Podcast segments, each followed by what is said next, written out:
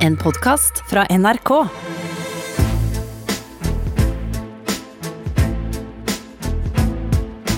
Trump mot verden med Gjermund Eriksen og Sean Henrik Matheson.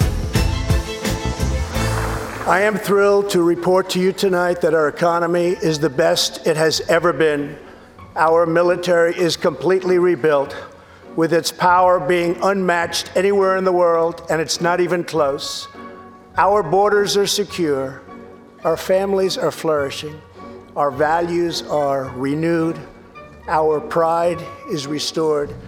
And for all of these reasons, I say to the people of our great country and to the members of Congress, the state of our union is stronger than ever before.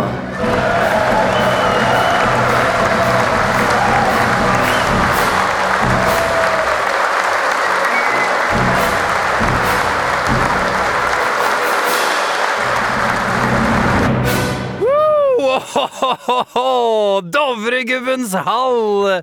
Edvard Grieg. Det er synd Hva er synden, Gjermund? at Grieg At Grieg blir brukt i en Donald Trump-reklame. Ja, det er helt vilt, for det er det der den kommer fra. Han la ut en video rett etter, eh, ja, for noen dager siden, eh, som egentlig viser at han vil være president for all framtid. Slutte med Trump forever!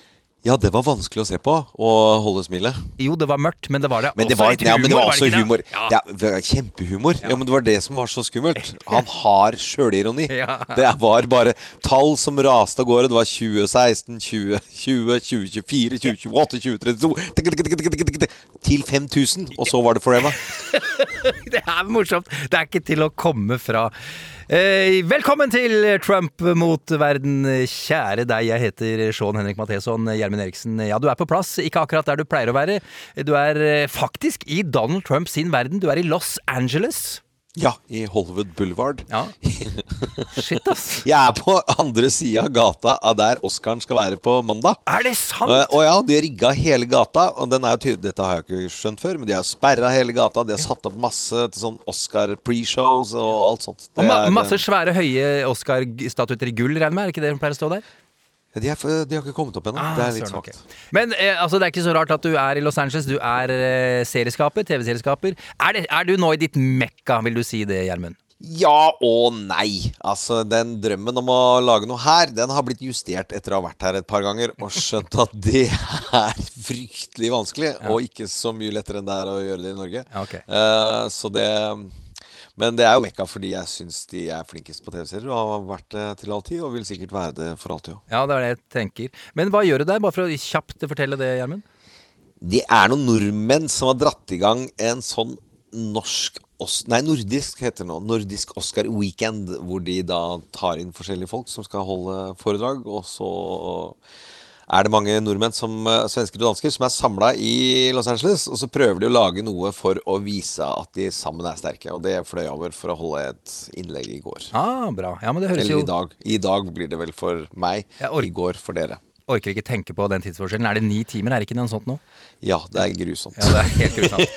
Ok. Så jeg har gitt lag, som det heter. jeg skjønner det. Nok prat om deg nå, Gjermund. Dette her er Trump eh, mot uh, verden. Eh, Vi har en uh, skal vi kalle det en spesialtilnærming i dag. Vi skal på et vis uh, ta for oss Hollywood.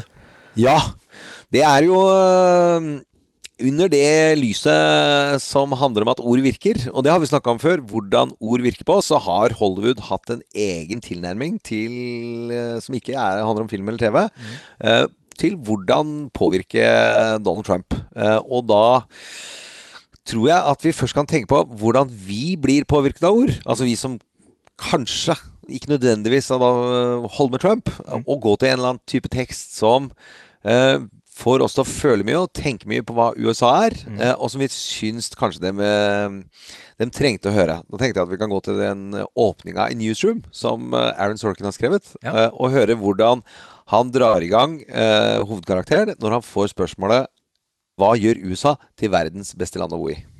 There is absolutely no evidence to support the statement that we're the greatest country in the world. We're seventh in literacy, 27th in math, 22nd in science, 49th in life expectancy, 178th in infant mortality, third in median household income, number four in labor force, and number four in exports. We lead the world in only three categories number of incarcerated citizens per capita, number of adults who believe angels are real, and defense spending, where we spend more than the next 26 countries combined, 25 of whom are allies. Now, none of this is the fault of a 20 year old college student, but you nonetheless are, without a doubt, a member of the worst period, generation, period, ever, period. So when you ask what makes us the greatest country in the world, I don't know what the fuck you're talking about. Uh, ja, det var klar beskjed fra TV-serien eh, The Newsroom der.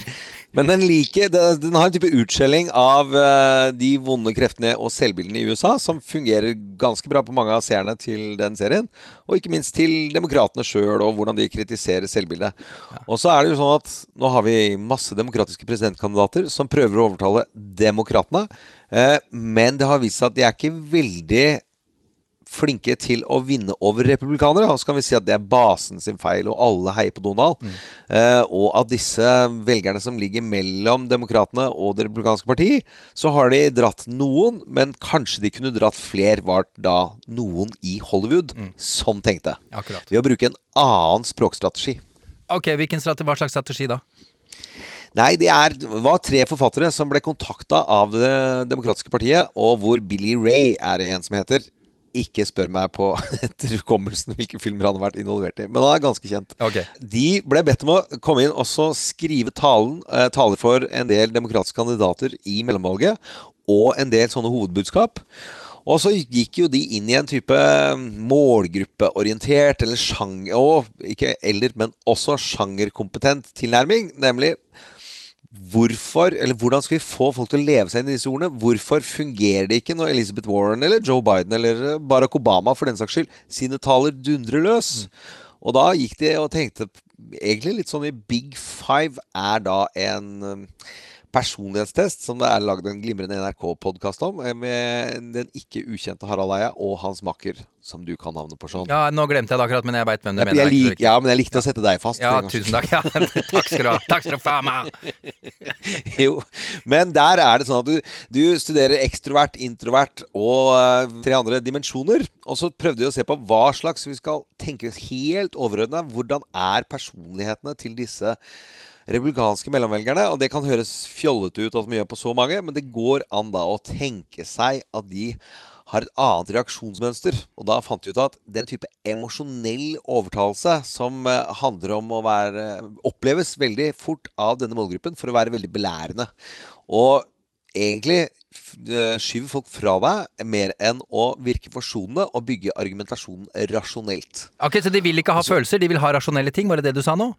Ja, det er, no, det er nesten der. Altså, jeg, har ikke, jeg har ikke hørt gjennom de, de kandidattalene som de utformet. Ja. Men det er det de sier selv. At du måtte fjerne de emosjonelle begrunnelsene. At det er så synd på, det er så, eh, det er så vondt for. Ja. Og heller gå rasjonelt. Hvorfor lønner det seg ikke at vi eh, ikke fikser helsevesenet i USA? Men- Hvorfor er det viktig at vi hjelper til skolevesenet, så det vi har generasjoner seinere som kan være produktive, sånn så vi får mer penger inn i økonomien? Ikke i utgangspunktet, dette er en grov overforenkling, men det er sånn han snakket om nesten nå. Ja, ja. At vi må hjelpe alle gjennom skolen, for det lønner seg for deg. Akkurat. Vi må ha et godt helsevesen som hjelper folk, ellers så taper du penger. Det koster deg noe. Jeg trodde liksom at Er det ikke følelser Er det ikke der vi skal tappe inn? Er det ikke det vi har lært hele tida, Gjermund? jo, jo, jo, jo, jo. Men det er måter å gjøre det emosjonelt på. Ja. Men du kan ikke Argumentet må ikke uh, være preg av at du skal spille på det gode uh, nødvendigvis. Du må spille på noe mer uh, egoorientert. Ah. Du skal Det er fullt mulig å gjøre rasjonelle ting med emosjoner. Eh, det vil jeg si. Ja. Men de implementerte, da. Ja, ok, hvor- hvor- Hvordan gikk det da? Nei, de hadde pluss 30 kandidater eller noe sånt som de jobba grunnleggende med, og som eh, var veldig vanskelig å vinne de valgene. Og da tror jeg de dro hjem over 90% av de valgseierne. Det er jo helt Og utrolig. det, ja, og det kalles The Hollywood Tree. Og det er eh, en ganske interessant historie som også handler om hvordan et par av våre demokratiske kandidater trenger å ha en type forsonende språk som møter de de trenger, Ja. i større grad enn andre. Akkurat. Der har vi annet eh, en av de vi skal snakke om i dag, eh, Mayor Pete, Ja. som legger seg på en argumentasjon som fungerer bedre mot sentrum og i, på en del republikanske velgergruppers premisser. Eh, Mayor Pete, hadde Pete noen- Buttigieg, bare for å si det. Ja, det er det. Ja. Og så kan vi tenke på denne typen språkstrategi, å møte målgruppe og sjanger på det publikummets premisser, det kan vi tenke også på i forhold til Donald Trump sin uke. Hvordan denne uken her har virket. For den har vært mye mer positivt orientert for de velgergruppene som har flytt imot de- demokratene. På deres premisser er jeg redd for. Akkurat. Vi snakker om Donald Trumps kanskje beste uke på lenge, gjør vi ikke det? Jeg kan ikke huske Altså, jeg tror vi må tilbake før sommeren, i hvert fall. Ja, ok. God tid før sommeren. Jeg tror eh, når Mueller, Mueller satte seg ned og holdt den La Babletalen sin. si ikke he det, det kan du si, som ikke kjenner den. Men vi som er veldig, var veldig nære han, og var viktig i våre liv. Nå smører jeg på litt tjukt her. Men han ja, Den uka når han satte seg ned og sa at han ikke ville tiltale, men uh, Donald sa jo det var full frifinnelse, da koste jo Donald seg som et uvær. Tok opp telefonen dagen etter, ringte Ukraina og sa «Dø, kan ikke du hjelpe meg i valget? Så, så mye koste han seg at han blei veldig overpå. Men den uka, den tror jeg var uh, Den kan måle seg. Jeg, altså, jeg mener at den uka her egentlig strengt tatt var bedre enn det òg, men da, da hadde han en god uke der òg. Ja, ok. Eh, Det er fredag formiddag. Det er den 7. februar, dag 2013 av hans presidentskap. Taper han er det 347 dager igjen. Og det for første gang uten eh, forbehold. Eh, Dersom det ikke skjer noe helt vilt, selvfølgelig. Og med Donald Trump så er jo ikke det helt lett å vite, men ok. Tre ting vi skal snakke om i dag. Ja, så, uh, State of the Union og Iowa-skandalen, tross alt. Det skulle være Iowa mellomvalg. Ja. Eh, og Pete eh, oppi det, hvordan han fikk det ut av det. Og så ikke minst eh, en liten, en liten hale om frikjenningen og Romney. Ja, Bra. Hvem skulle trodd Nei. at vi skulle snakke positivt om Mitt Romney igjen? Veldig rart at vi skal gjøre det, men det er jo hyggelig. Alltid hyggelig. Eh, Hva bør vi nevne, eh, men ikke bruke altfor mye tid på, Gjermund? Ja, det er jo Nance Pelosi, da, som Ja. hadde sitt utrolige øyeblikk under State of the Union. Vi- Vi kommer litt tilbake til det, men vi skal ikke snakke altfor mye om det. Eh, hva med dette, ja, skal vi kalle det et Pulitzer hardcore revolver-intervju eh, som Sean Hannity fra Fox hadde, hadde med Trump? Ja, det er jo Han tør jo å bli utfordra av Donald og møte kritiske spørsmål, og der er veldig få bedre enn Sean Hannity. Og det er noe av det softeste vi har sett. Men det er eh, også at Donald La oss si han var godt formulert her. Ja, vi skal høre Sean Hannity, som jo er Trumps aller beste venn, jobber i Fox eh, News. Og eh, her snakker de da om, eh, om amerikansk fotball og, og, og Superbowl. It's a microcosm of life. You know, you have winners, you have champions, you have people that you expect to see that final play, you have great coaches like Belichick, uh, you have people that you expect more out of. And oftentimes they produce. Then you have people that you just don't expect they're going to do it. And oftentimes they don't. For en, eh, for en herlig analyse! Ja, det er en sportskommentator på høyt nivå. Og så det, er, det er noe veldig zen-aktig over det. Ja. Uh, uten at det er helt zen, vil jeg si. Så er det vår kjære, kjære birollekarakter, en av våre mest kjære i hvert fall, eh, som eh, har blitt dykta nok en sang om, som jeg tror de ikke har hørt helt i Senatet. Så kan du bare høre låta her.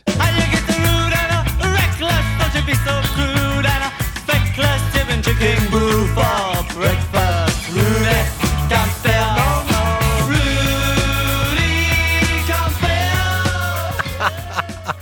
Det er The ja, Clash. og det Senatorene Der var det veldig mange i slutten av denne eh, riksrettssaken som ga han Rudy juling. Ja. Altså de eh, På republikansk side mm. snakka de han er ikke viktig. Han har knapt nok hatt kontakt med presidenten. Han er ikke noe han er ikke noen offisiell person, eller han har ikke noen sånn spesiell relasjon. Eh, så det tror jeg Rudi var litt skuffa for. Eh, og så Donald kom ikke akkurat med noe redningsbøye, det må sies. Han gjorde ikke det.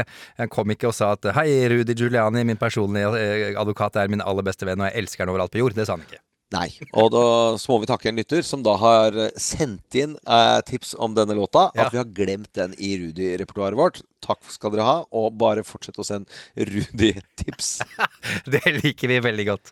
Ok, eh, riksrettssaken er over. La oss gå til SoTo, State of the Union. Trump mot verden med Gjermund Eriksen og Sean Henrik Matheson. På onsdag holdt Donald Trump sin State of the Union-tale, en årlig begivenhet der presidenten rapporterer til Kongressen om rikets tilstand. Eh, Fokus på landets økonomi, men også en, en gjennomgang av regjeringens videre agenda og videre planer.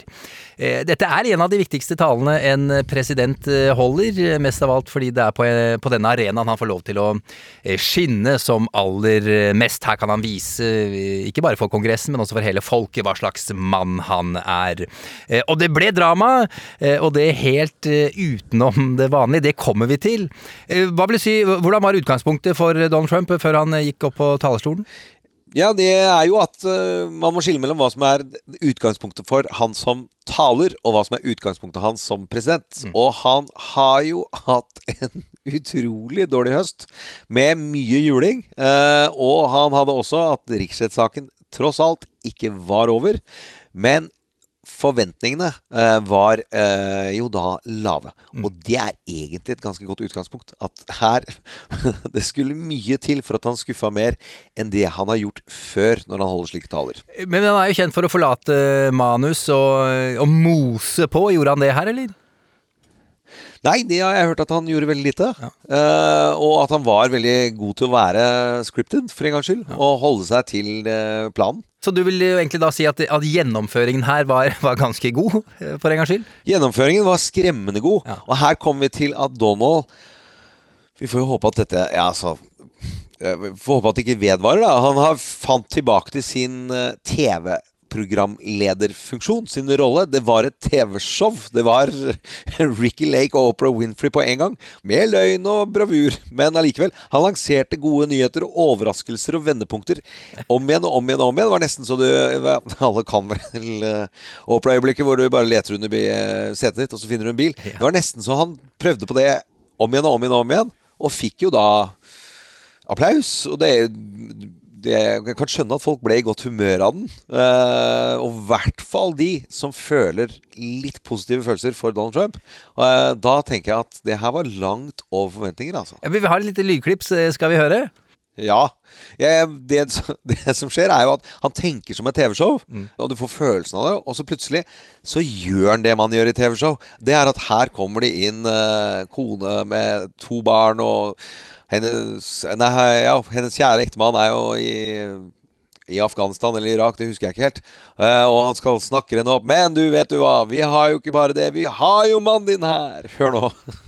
War places a heavy burden on our nation's extraordinary military families, especially spouses like Amy Williams from Fort Bragg, North Carolina, and her two children, six year old Eliana and three year old Rowan.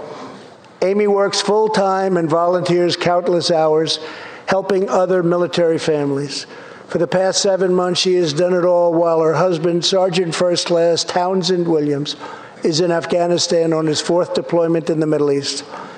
Amy's kids haven't seen their father's face in many months. Amy, your family's sacrifice makes it possible for all of our families to live in safety and in peace, and we want to thank you. Thank you, Amy. There is one more thing. Tonight we have a very special surprise. I am thrilled to inform you that your husband is back from deployment. He is here with us tonight, and we couldn't keep him waiting any longer. Ikke dette her er TV-show, noe som er TV-show. Ja, og det var jo ikke det State of the Union skulle være. Det er jo at han bryter sjanger og konvensjoner og alt sammen, og så er det allikevel Så er det allikevel underholdende og varmt. Jeg kan skjønne at folk blir sjarmert av det her, altså. Ja, Det er jo ikke vanskelig å skjønne det. Jeg kan se på sånne YouTube-videoer og grine jeg når folk kommer hjem fra krigen og møter kona si for første gang. Ja, er du gæren. Jeg, hadde, jeg ble trua med å ikke få perm en, en helg i Luftforsvaret. og da fikk jeg tårer. Og da var jeg på, jeg var på Værnes. Det er det hardeste jeg har gjort i livet mitt. Hva var budskapet til Donald Trump, Gjermund? Nei, det var jo nettopp å komme med en jeg, synes, jeg opplevde det som en noe forsonende tilnærming. Selv om han er utrolig skrytete, så kunne han snakka han, kunne, han har snakka mye hardere. og Han har vært mye mørkere enn det her. Og så klarte han da å lage en um, kontrast til demokratene på litt Obama-måten. Nemlig ved også fremheve hva han er så fin, så er det litt mer usagt hvor negativt det er med demokratene. Selv om han hakka løs, altså. Obama, når han sier uh, 'change you can believe in' uh, og 'yes we can', så er det noen som ikke kan. Ja. Uh, og det er noen som ikke står for forandring.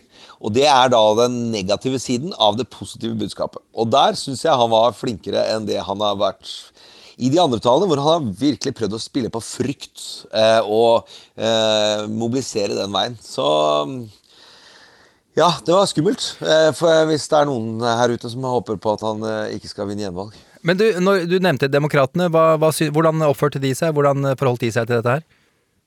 Der var det flere typer reaksjonsmønstre. Det var jo veldig lite applaus. Eh, Det er ganske vanlig at man klapper ikke så mye for motstanderne, bortsett fra når du nevner veteraner og en del ting som er alle må være enige at er bra.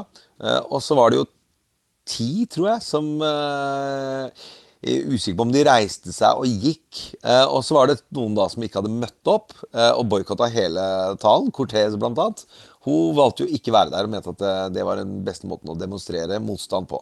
Som er et litt rart valg, siden det er Representantenes hus og ikke presidentens. Så det er, og du går ut av huset når en uønsket gjest kommer inn, er eh, litt vanskelig å tenke seg at prinsipielt er lurt. Ha, ok. Eh, Det ble jo spekulert i om, om lederen i Representantenes hus, Nancy Pelosi, utsatte å tiltale Trump i riksrettssaken nettopp med tanke på State of the Union-talen. Eh, At hvis den fortsatt hang over ham under den talen, så ville han kanskje miste det og rante i vei. Det, det skjedde jo ikke, Gjermund. Hvordan tror du Nancy Pelosi Hva tror du hun tenker nå om alt som har skjedd? Ja, jeg tror hun er fornøyd med løpet hun har kjørt. Det har, jo, har jeg ment hele tiden. At hun har fått det, mest, det meste og det beste ut av det. At det ville være ganske positivt mot slutten for Donald når det nærma seg denne frikjenningen. Det tror jeg hun hadde regna på. Og så var han ikke så Han var ikke så cocky som han, man kunne sett for seg at han var. Ved at han da ikke hadde muligheten til å si at eh, riksrettssaken var over. Eh, så jeg tror eh, det funka ganske bra.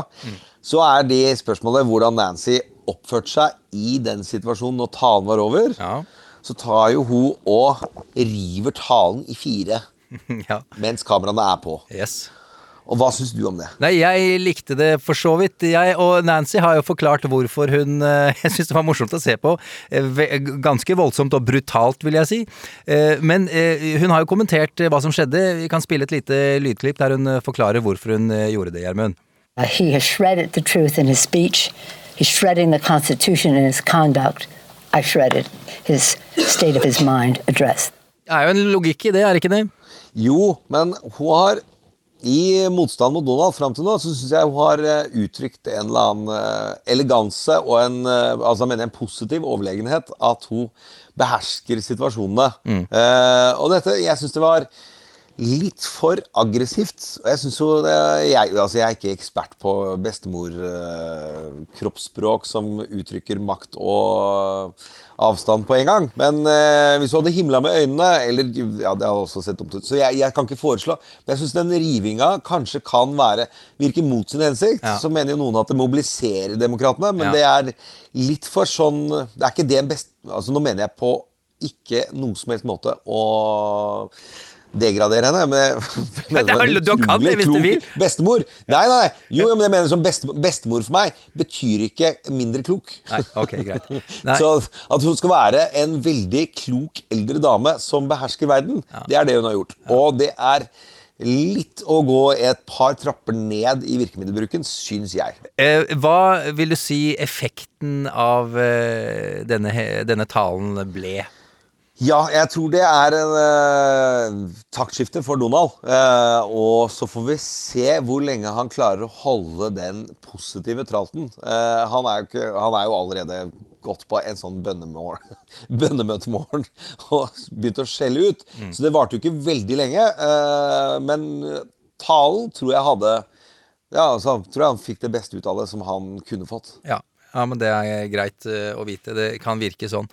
Eh, Gjermund og du som hører på, vi skal til eh, Iowa. Yes, it is game on for 2020. All eyes are now on who will run for president in 2020. It Sounds like a game show, but it's not. One of these candidates could be the next president. Ja, vi skal til vår spin-off-serie, Demokratenes kamp om å vinne tilbake presidenttronen. Eh, Og nå skal vi til det som ganske sikkert er den største nedturen for demokratene på veldig, veldig lenge, og da har vi ikke glemt riksrettssaken. Valget i Iowa, skandalevalget i Iowa, det gikk åt skogen. Det ble fullstendig kaos. Det var teknologien som eh, sviktet. Kort fortalt, en mobilapp eh, som de forskjellige valgdistriktene i Iowa skulle bruke for å melde inn resultatene, virket ikke. Resultatene kom ikke inn. Eh, og på valgvakene rundt omkring var det full forvirring. Vi kan jo høre noen av kandidatene. Well, looks like it's going to be a long night. So we don't know all the results. Let me let me begin by stating that I imagine that at some point the results will be announced. And uh, indications are, from our indications, it's going to be close. We feel good about where we are. I have a good feeling we're going to be doing very, very well here in Iowa. Because tonight, an improbable hope became an undeniable reality.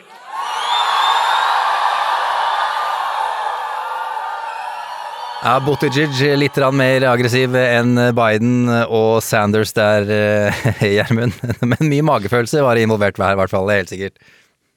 Ja, og så er det jo øhm, flere ting ved Iowa-skandalen som har rulla ut i løpet av uka. At dette er, uh, er svakt tenkt, svakt gjennomført, og appen var ikke sikkerhetsklarert på noen som helst måte. Så man, uh, den har vært åpen for, Altså den har ikke vært åpen for uh, hacking, men den har i hvert fall ikke gått grundig nok igjennom for å unngå at folk tøyser med den. Og så er det ikke det som gjennomfører valget i Iowa, det er ganske gamle folk og partientusiaster. Eh, og jeg, jeg ligger jo nå i et hotellrom, jeg er 47 år og har fått en sånn der mic-dings jeg skal ordne, og da merker jeg at dette er en helt ny ting jeg skal koble sammen.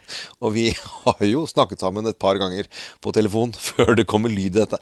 Så disse menneskene har ikke trent seg på det, og det er ganske, ganske tynt gjennomført, altså. Ja, Det er jo eh, amatørmessig, og at det er en eh, skandale er helt eh, riktig å si.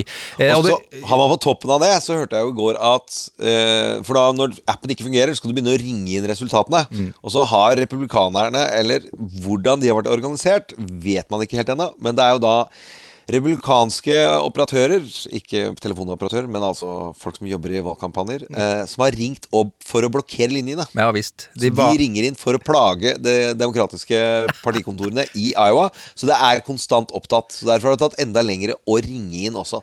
Det er Dette er da Ja, det er helt utrolig. Og er i den gode, gamle kategorien til eh, vår gode fengselskandidat Roger Stone. Dette er klassisk ratfucking. Ja, altså er- småkødding med den, eh, din, eh, altså din motstander. På et lavt nivå, men som er fryktelig irriterende. Ja, Og så har det hatt konsekvenser tidligere i andre valg, hørte jeg om i Ja. går. Men sånn får det være. Er det. eh, Det er sant. Eh, Fortsatt finnes det ikke noe endelig og offisielt resultat, bare for å si det. Men eh, vi har jo noen foreløpige tall, og de, de viser et tilnærmet dødt løp mellom Pete Buttigieg, eh, 26,2% og Bernie Sanders, 26,1% Så fulgte Elizabeth Warren på tredjeplass, Joe Biden på fjerdeplass, Amy Klobuchar på femteplass. Nå har vi for så vidt vært innom det, men eh, dette valget blir jo omtalt som en katastrofe for demokratene. Ikke resultatet, da, men, men gjennomføringen. Eh, Men, men ok, det var mye kluss, Ja. Gjermund, men, men hvorfor katastrofe? Nei, det er katastrofe. Jeg syns det er mye mer katastrofe for kandidatene. Altså, de, fak de har brukt De har brukt utrolig mange måneder for å bare jobbe mot denne delstaten, fordi budskapet ut fra denne delstaten er så viktig. Og Biden er den eneste som visste at den ikke kommer til å vinne Iowa, for de er ofte altså vekter tungt mot anti-establishment og de gamle, eh, og er jo noe av det mest progressive i, av alle delstatene innenfor Det demokratiske parti. Så for Pete, som har satsa alt han kunne på å skulle bli, få en rakket i ræva ut av den delstaten, eh, og ikke kan ha mulighet til å si det, og ikke vet om han kan si det, han gikk jo allikevel ganske hardt og høyt ut før oppstillinga starta og sa at eh, det ligger an til at vi kan dra herfra victorious. Ja. For han så er det vil han nok alltid lure på hvor mye han tapte ved det. Det demokratiske partiet, nå sier alle at dette er katastrofe, men eh, om tre uker så tror jeg folk er utrolig mye mer opptatt av det valget der man er i hesteveddeløpet, som det demokratiske partiets valgkamp kan kalles, Ja. da er man mye mer på den delen av løpebanen.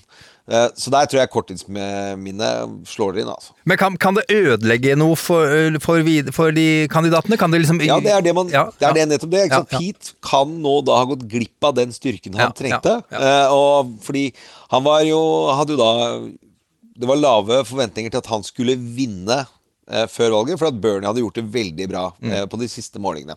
Og så vi ser det jo ut til at Bernie har hatt utfordringer i dette caucus-systemet, at folk har ikke stått så hardt i, for eh, Bernie når du det er noen flere runder når du står i den gymsalen, eh, og så må du bytte plass, og da har ikke Bernie stått seg så godt som han har gjort tidligere. Der prøver man å snakke om noen svakheter, men eh, Pete er vel den som har lidd mest av at han ikke fikk en klar avgjørelse veldig tidlig. For er, nå er det 26,2 og 26,1. Det ser vi litt mer nøye på nå, men på mandag så hadde man ropt eh, 'Jeg vant!' og så hadde man løpt videre. Ja, ok, jeg skjønner. Hvilke konsekvenser får det for den videre demokratiske valgkampen? Da? Pre, vil det prege res, fram mot eh, november, hadde jeg nær sagt? Mot eh, president... eh, Eller Nei, kongressen, nå- der hvor de skal vi- kåre sin vinner? Det får vi aldri vite hva som var effekten på det neste valget. Men etter det så kommer man ikke til å snakke så mye om at eh, alt var ødelagt i Iowa, eller noe sånt, tror jeg. Eh, men for Iowa som delstat, at Det demokratiske partiet skal få arrangere denne typen eh, valgkampåpninger, det kan man spørre seg om. Ja, det sies jo også, Gjermen, at Iowa nå får sparken som den staten som skal være først ute. Ja, og det Hvis de ryker med caucus-systemet, så kan de ikke ha det som kalles et klassisk primærvalg. For New Hampshire de er rabiate etter å være den første delstaten. Eh, og de er villige til å flytte det første valget til dagen etter det neste Altså dagen etter det valget er vunnet, så har de det neste valget, om det så er. De har vist seg som en utrolig tøff forhandling, forhandlingspartner når det handler om hvem skal være først. Vi er først med primærvalg. Uansett hva dere andre finner på. Tydelig. Eh, ja, New Hampshire, det er eh, du, skal, du kan tøyse mye med det, men du tøyser ikke med at de skal være først. Det er som en liten drittunge. ok. Eh, vi skal eh, snakke litt mer vi om, eh, om Pete Buttigieg.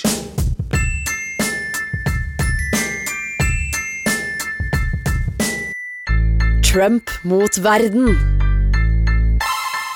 Ja, Vinneren i Iowa blir altså sannsynligvis eh, Pete eh, Buttigieg. Mayor Pete, som han blir eh, kalt. Eh, Han er jo borgermester i byen South Bend i staten eh, Indiana. Det har han vært siden eh, 2012. Indiana ligger i Midtvesten. Eh, Litt eh, kjapp i geografi her. Se for deg USA i atlaset ditt igjen. Finn midten, gå litt opp, og et par hakk til høyre. Der har du Indiana, en industristat med mye stålproduksjon. eh, Nesten 6,5 millioner innbyggere. De fleste er eh, hvite. Eh, Pete Buttigieg er den yngste kandidaten blant demokratene, 38 år gammel. Han er homofil, den første åpent homofile kandidaten i et eh, presidentkappløp, for å, for å kalle det det. Han er utdanna ved Harvard og universitetet i Oxford i England, historie og litteratur, og det er litteraturen som er grunnen til at han snakker en seks, sju, åtte språk. Eh, Vi vet ikke helt hvor mange det er, faktisk. Eh, Han ville lese bøkene han likte best på originalspråket. But of course! Norsk, blant annet. Erlend Lo, nemlig. Leses best på norsk, ifølge Buttigieg. Han har også tjenestegjort i det amerikanske militæret, løytnant i den militære etterretningstjenesten som United States Navy Reserve, og var en stund utplassert i Afghanistan. Eh, Ja, vi har sagt det mange ganger før, senest for et par minutter siden, at valget i Iowa setter en tone for de videre delstatsvalgene, at det kan skape en slags trend, og at det kan gi vind i seilene for de kandidatene som vinner der. Barack Obama er jo det eksempelet vi bruker bestandig, eh, som vant i Iowa i 2008. Det passer faktisk bra her med et eh, spørsmål jeg har fått på mail, Gjermund, fra Markus. Eh, Hei, i diskusjonens hete klarte jeg vedde en sixpack med en kompis på at Buttigieg kom til å vinne over Sanders til slutt i nominasjonsvalget. Dreit jeg på draget, eller har jeg sjans på den eh, ølen? Det ser jo ut som han har det, Gjermund. Ja, det kan man si. Eh, Jeg tror jo at eh, Tror og tror, altså. Det er mange som spekulerer i tallene som ligger til grunn for hvor stor Bernie Sanders kan bli i Det demokratiske partiet. Og at han har en utrolig fast base, og de er hardere forankra til sin kjære Bernie enn mange andre er forankra andre steder. Og som man så under Warren, så vokste jo hos seg større Bernie en stund, og så forsvant velgerne tilbake til Bernie. Men man lurer på hvor har han et tak? Er det en grense for hvor stor Bernie kan bli? For han er ytterst til venstre i Det demokratiske partiet. Mm. Og da er jo klart at eh, Pete har den eh, konservative midten av Det demokratiske partiet eh, mye mer eh, bak seg, tror jeg, og flere andre. At eh, de ligger, ligger godt an til at han kan bli større hvis det bare blir de to. Men da må det jo bli de to til slutt. Hvis ikke, hvis eh, det er slik at Pete må dele stemmene med Biden og dele dem med Klobuchar, så er jo Bernie størst. Og da raser man inn i konventet med, med en størst Bernie og enten tre andre små, eller så har han vunnet fram til da fordi de andre har splitta stemmene sine såpass mye. Og konventet du nevner nå, er jo der hvor eh, demokratene skal finne sin endelige kandidat, som skal stille mot eh, Donald Trump. Hvis vi ser bort fra at han eh, godt kunne tenke seg enda litt mer fart inn og kunne utrope seg selv som vinner mye tidligere, Gjermund. Hva betyr det at han vant her? Hva betyr det for Buttigieg? Ja, det er at den er i gamet. Eh, altså Hvis han hadde kommet på eh, ganske langt ned, så uh, Klobuchar, det er å henge Hun henger ganske i en tynn tråd nå. Eh, og det han gjør nå, er jo ganske, helt utrolig langt over hva man trodde. Når han begynte å snakke om at han skal ha en presidentkandidat, så smilte jo noen i skjegget over at det var en eh, ordfører som skulle stille. Og det gjør man ikke lenger. Han er jo øh, ikke ut, altså Han er ikke fraskrevet ved Vinnermulighetene hans er helt klart til stede fortsatt. Ja, riktig. Det, altså, og de som eh, ligger i føringen, de får jo ofte mest kjeft og, og bråk fra de andre kandidatene. Kan Buttigieg eh, vente seg mye motbør fra sine ko kollegaer, hadde jeg nær sagt? Ja, men det er en, de har hele tiden uh, hakka løs på det. Altså, jeg tror alle de andre kandidatene har vært flinkere til å snakke han ned med referanser til at du er nødt til å ha erfaring. Biden snakker om internasjonalt. De andre snakker om uh, nasjonal erfaring med nasjonal politikk. Eh, så det har vært nevnt flust og ofte. Men det rare i hele den konkurransen Bernie og Pete er jo at de yngre de stemmer på Bernie, altså den gamle. Og de gamle, de vil ha Pete. Og der, der må verden bare altså Egentlig må det stables om, litt, synes jeg. bare generasjon, Generasjonsmessig så må man holde litt med, med hverandre, altså. Ja, det er litt Eh, fint, egentlig. Jeg, liker, jeg liker det litt, men kanskje ikke det funker eh, på en bra måte i, i praksis. Eh, Men du, Gjermund, jeg har også, mener å vite og har lest at, at, eh, at Buttigieg anses for å være mer electable når vi kommer liksom helt eh, mot presidentvalget enn f.eks. Bernie Sanders. Ja, det er jo der dette ølveddemålet kommer inn. Eh, man tror at basen, at sentrum i Demokratisk partiet tradisjonelt er større enn venstresiden. Og så argumenterer både Warren og Bernie at de skal mobilisere og bli større. Og Det er jo en uprøvd affære som er såpass langt til venstre-kandidater Og der øh, er det mange som tror at da sentrum vil vinne. Uh, Buttigieg sliter med å samle de svarte i USA. Gjermund, hvorfor det?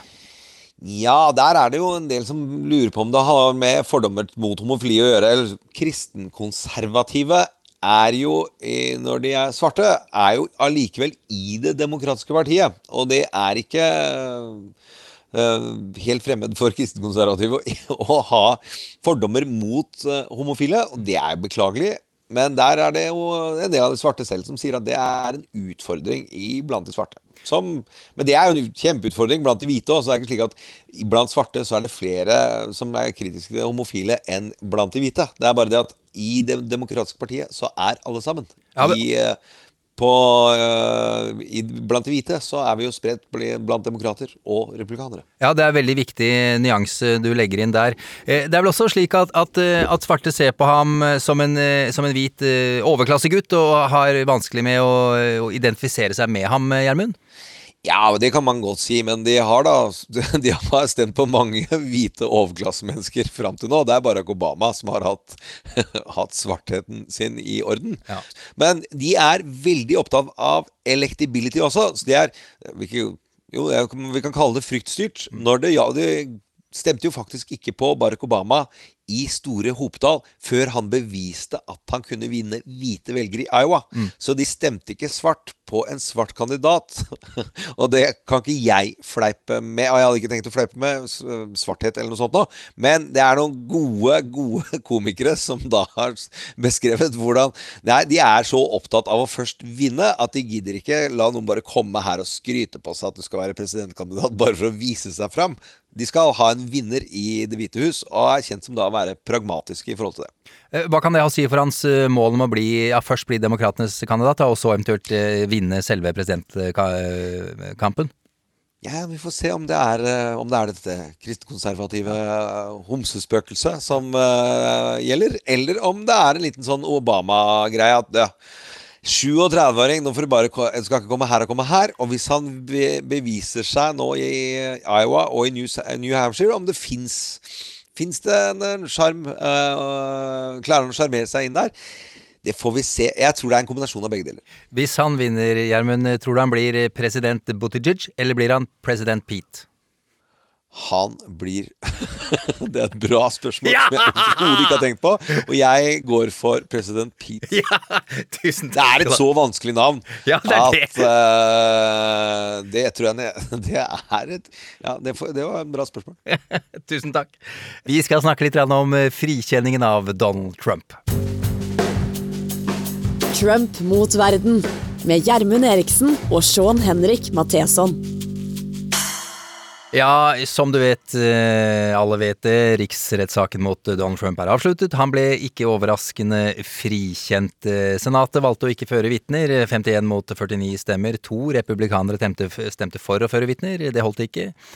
Så skulle de stemme over selve skyldspørsmålet. Da var det kun én republikaner som mente han var skyldig, Mitt Romney.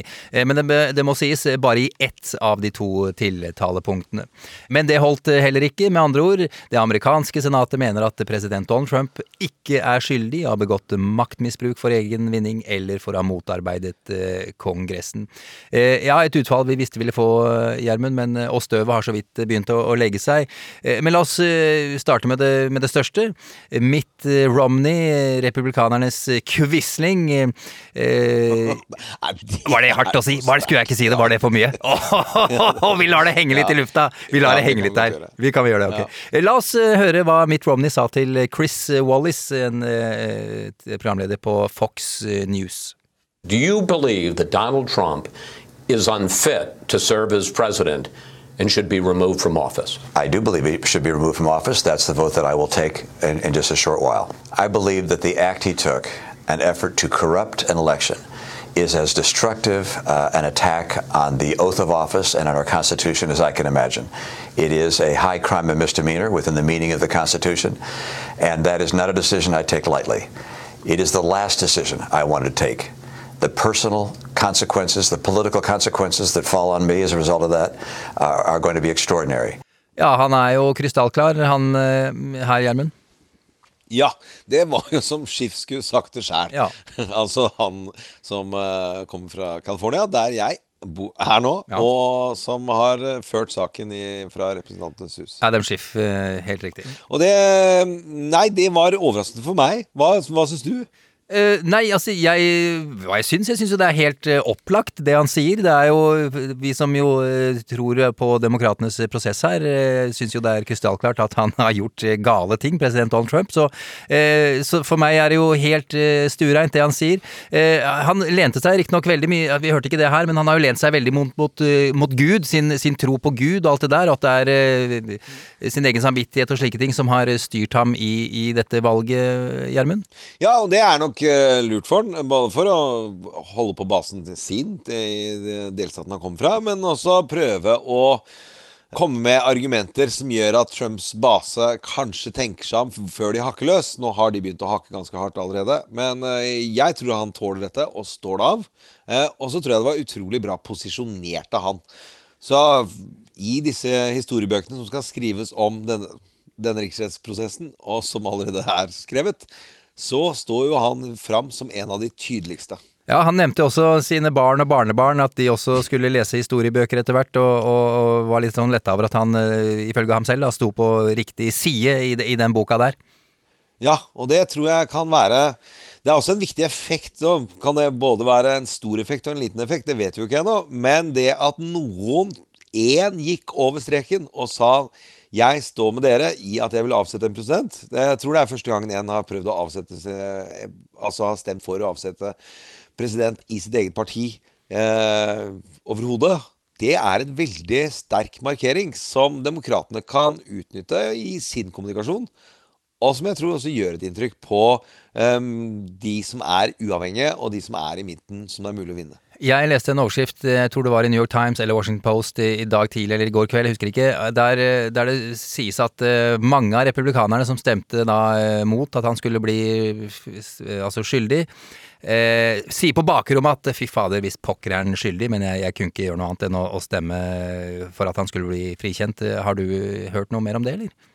Ja, det tror jeg sikkert stemmer, i hvert fall hvis man skal tro på Jeff Flake òg, som har snakket med mange tidlig i riksrettsprosessen, sa at hvis det var skjult valg, altså skjult avstemning, så hadde han vært avsatt for lenge siden.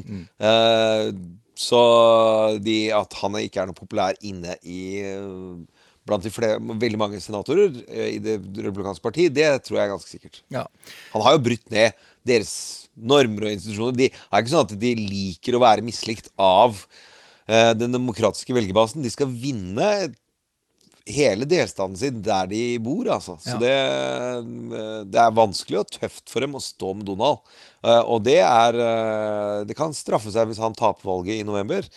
Så skal det bli tydelig hvem som var med og hvem som var mot, tror jeg. Ja, men hva betyr det for valget i november, da, når du først eh, er inne på det? Det er altfor tidlig å si. Om det er eh, kan ha noe stor effekt, det det, det det kan gjøre, er å sette i gang diskusjoner og argumentasjoner gjennom de neste ni månedene. Men da er det ikke at Romney gjorde det nå. Da er det det at det er et tegn på noe. Og jeg tror som symbolsk handling, hvis det går nedover fra Donald, ja, at det er flere som går fra, fra han, fordi at Donald ikke gjør det så bra på målinger opp mot den demokratiske kandidaten, og at flere senatorer som sitter på gjenvalg, begynner om å ta ut større avstand, da tror jeg mange vil, i sånn etterrasjonalisering, vil si ja, men når Romney Men han var den første, da, som tok et ordentlig oppgjør, som ikke da allerede hadde sagt opp jobben sin. For Flake han var en senator, hvis alle husker det. Han var veldig tøff i kjeften, men han hadde da allerede sagt at I'm out. Ja, visst. Og ikke bare Jeff Flake, men husker du Bob No Fucks Oh! Left to Give Corker? Ja, Corker, ja. Utrolig tøff i kjeften på andre sida av gjerdet mot uh, mobberen på veien hjem. Uh, så når mobberen fortsatt står og mobber alle, så står han og roper når han skal hjem til uh, mammaen og pappaen sin. Det er ikke helt sånn man skal gripe inn mot mobbere. Eh, Men eh, Jeg vet ikke om den metaforen funka, men eh, la oss si at jeg har sovet mye mindre enn lytterne våre. Ja, jeg vet det. Og nå skal du snart få noen timer på øyet, Gjermund. Du som hører på, send oss gjerne en mail, trump at nrk.no, og, still spørsmål om, om Trump sin verden. Og ja, politiske spørsmål, selvfølgelig, om, om Donald Trump og amerikansk politikk. Trump at nrk.no. Bli med på vår Facebook-gruppe Trump mot verden. Der skjer det masse interessante ting. Du poster i villen sky, Gjermund, og det er interessant. Det gjør også alle, eller andre som Det er, er medlemmer av gruppa. mange, mange flinke folk som legger ut spennende ting, og det liker jeg. Eh, Og at det, folk som følger med på helt andre steder enn der vi tradisjonelt følger med, det syns jeg er veldig moro. Ja, og så er det må vi ha en ny konkurranse. Ja, det, ja, men bare nevne det. Det er en innmari koselig og fin eh, tone på, på Facebook-sida vår, og den, eh, den skal vi forsøke å, bevare til deg som skal inn der nå. Jeg bare sier det. Ja, det er det- rom for uenighet, Ja. bare ikke, ikke skrik og hyl. Nei, helt riktig. Eh, bare for å nevne, du, skulle, du var inne på en ny konkurranse nå, det skal vi ha, men til dere som venter på kaffekopp i posten, den kommer. Eh, ikke vær redde, vi har ikke laga hundrevis av kopper for å beholde dem alle sjæl, det bare tar litt tid, de er i, i, i produksjon. Men eh, Gjermund, eh, ny konkurranse, der har du et, eh, en glimrende idé i dag. Ja, det er å selge den opp veldig høyt. Ja, Men jeg La oss si, inspirert av stedet jeg er på, Ja. at hvem er det som burde få Oscar for beste birolle i Trump mot verden? I filmen filmen Trump mot verden. Ja, det er i, ja, i vårt univers, som er da blitt en film. Altså i Trump eh, mot verden-universet. Og da snakker vi om da i amerikansk politikk. Og det kan, bare, det kan både være helter og skurker og alt mulig, ikke sant? helter og skurker. Hvem er det som uh, virkelig har seila inn? Uh, og, og så, så skal vi tre, trekke vinnere derfra. Det blir veldig stas. Jeg gleder meg veldig. Og det er også lov å komme med Altså, biroller. Det er jo noen som har vunnet Oscar for beste birolle, som kommer inn og gjør bare en liten mikrodetalj, men den var så interessant, og den var så sjelfull at eh, den sjarmerte Oscar-juryen. Og vi tenker sånn, vi òg, altså. Ja, det er nydelig, Gjermund. Det er eh, som alltid, og heldigvis, eh, Silje Martinsen Vettere som har eh, produsert denne podkasten. Også en stor takk til teknisk ansvarlig på vårt LA-kontor, Per Engebretsen. Han har gjort en strålende innsats i dag. Gjermund, vi har en trailer for neste uke. Denne gangen har vi vært frekke, må jeg si, og lånt et lite strekk Ja. av en TV-serie. Jo, hvis vi tar opp igjen der vi begynte, og litt rann hva vi har vært igjennom Det handler om å bruke ord som skal skape forsoning, eh, og skape samling. Og der hvor eh, den TV-serieåpninga til Aaron Sorkin, det handla om å provosere og få i gang følelser, og skape samhold gjennom den effekten. Og så har vi Forsonings-Donald, som prøvde på sine ting. Og så har du Mare Pete, som også prøver på sin måte å tilnærme seg på en forsonende måte.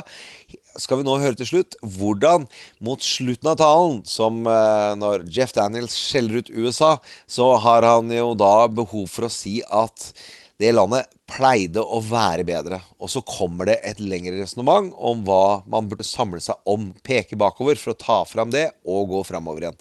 Hør her. Jeg syns det er eh, vakkert. Sure used to be. We stood up for what was right. We fought for moral reasons. We passed laws, struck down laws for moral reasons. We waged wars on poverty, not poor people. We sacrificed. We cared about our neighbors. We put our money where our mouths were, and we never beat our chest. We built great big things, made ungodly technological advances, explored the universe, cured diseases, and we cultivated the world's greatest artists and the world's greatest economy. We reached for the stars, acted like men. We aspired to intelligence. We didn't belittle it, it didn't make us feel inferior. We didn't identify ourselves by who we voted for in the last election, and we didn't, we didn't scare so easy.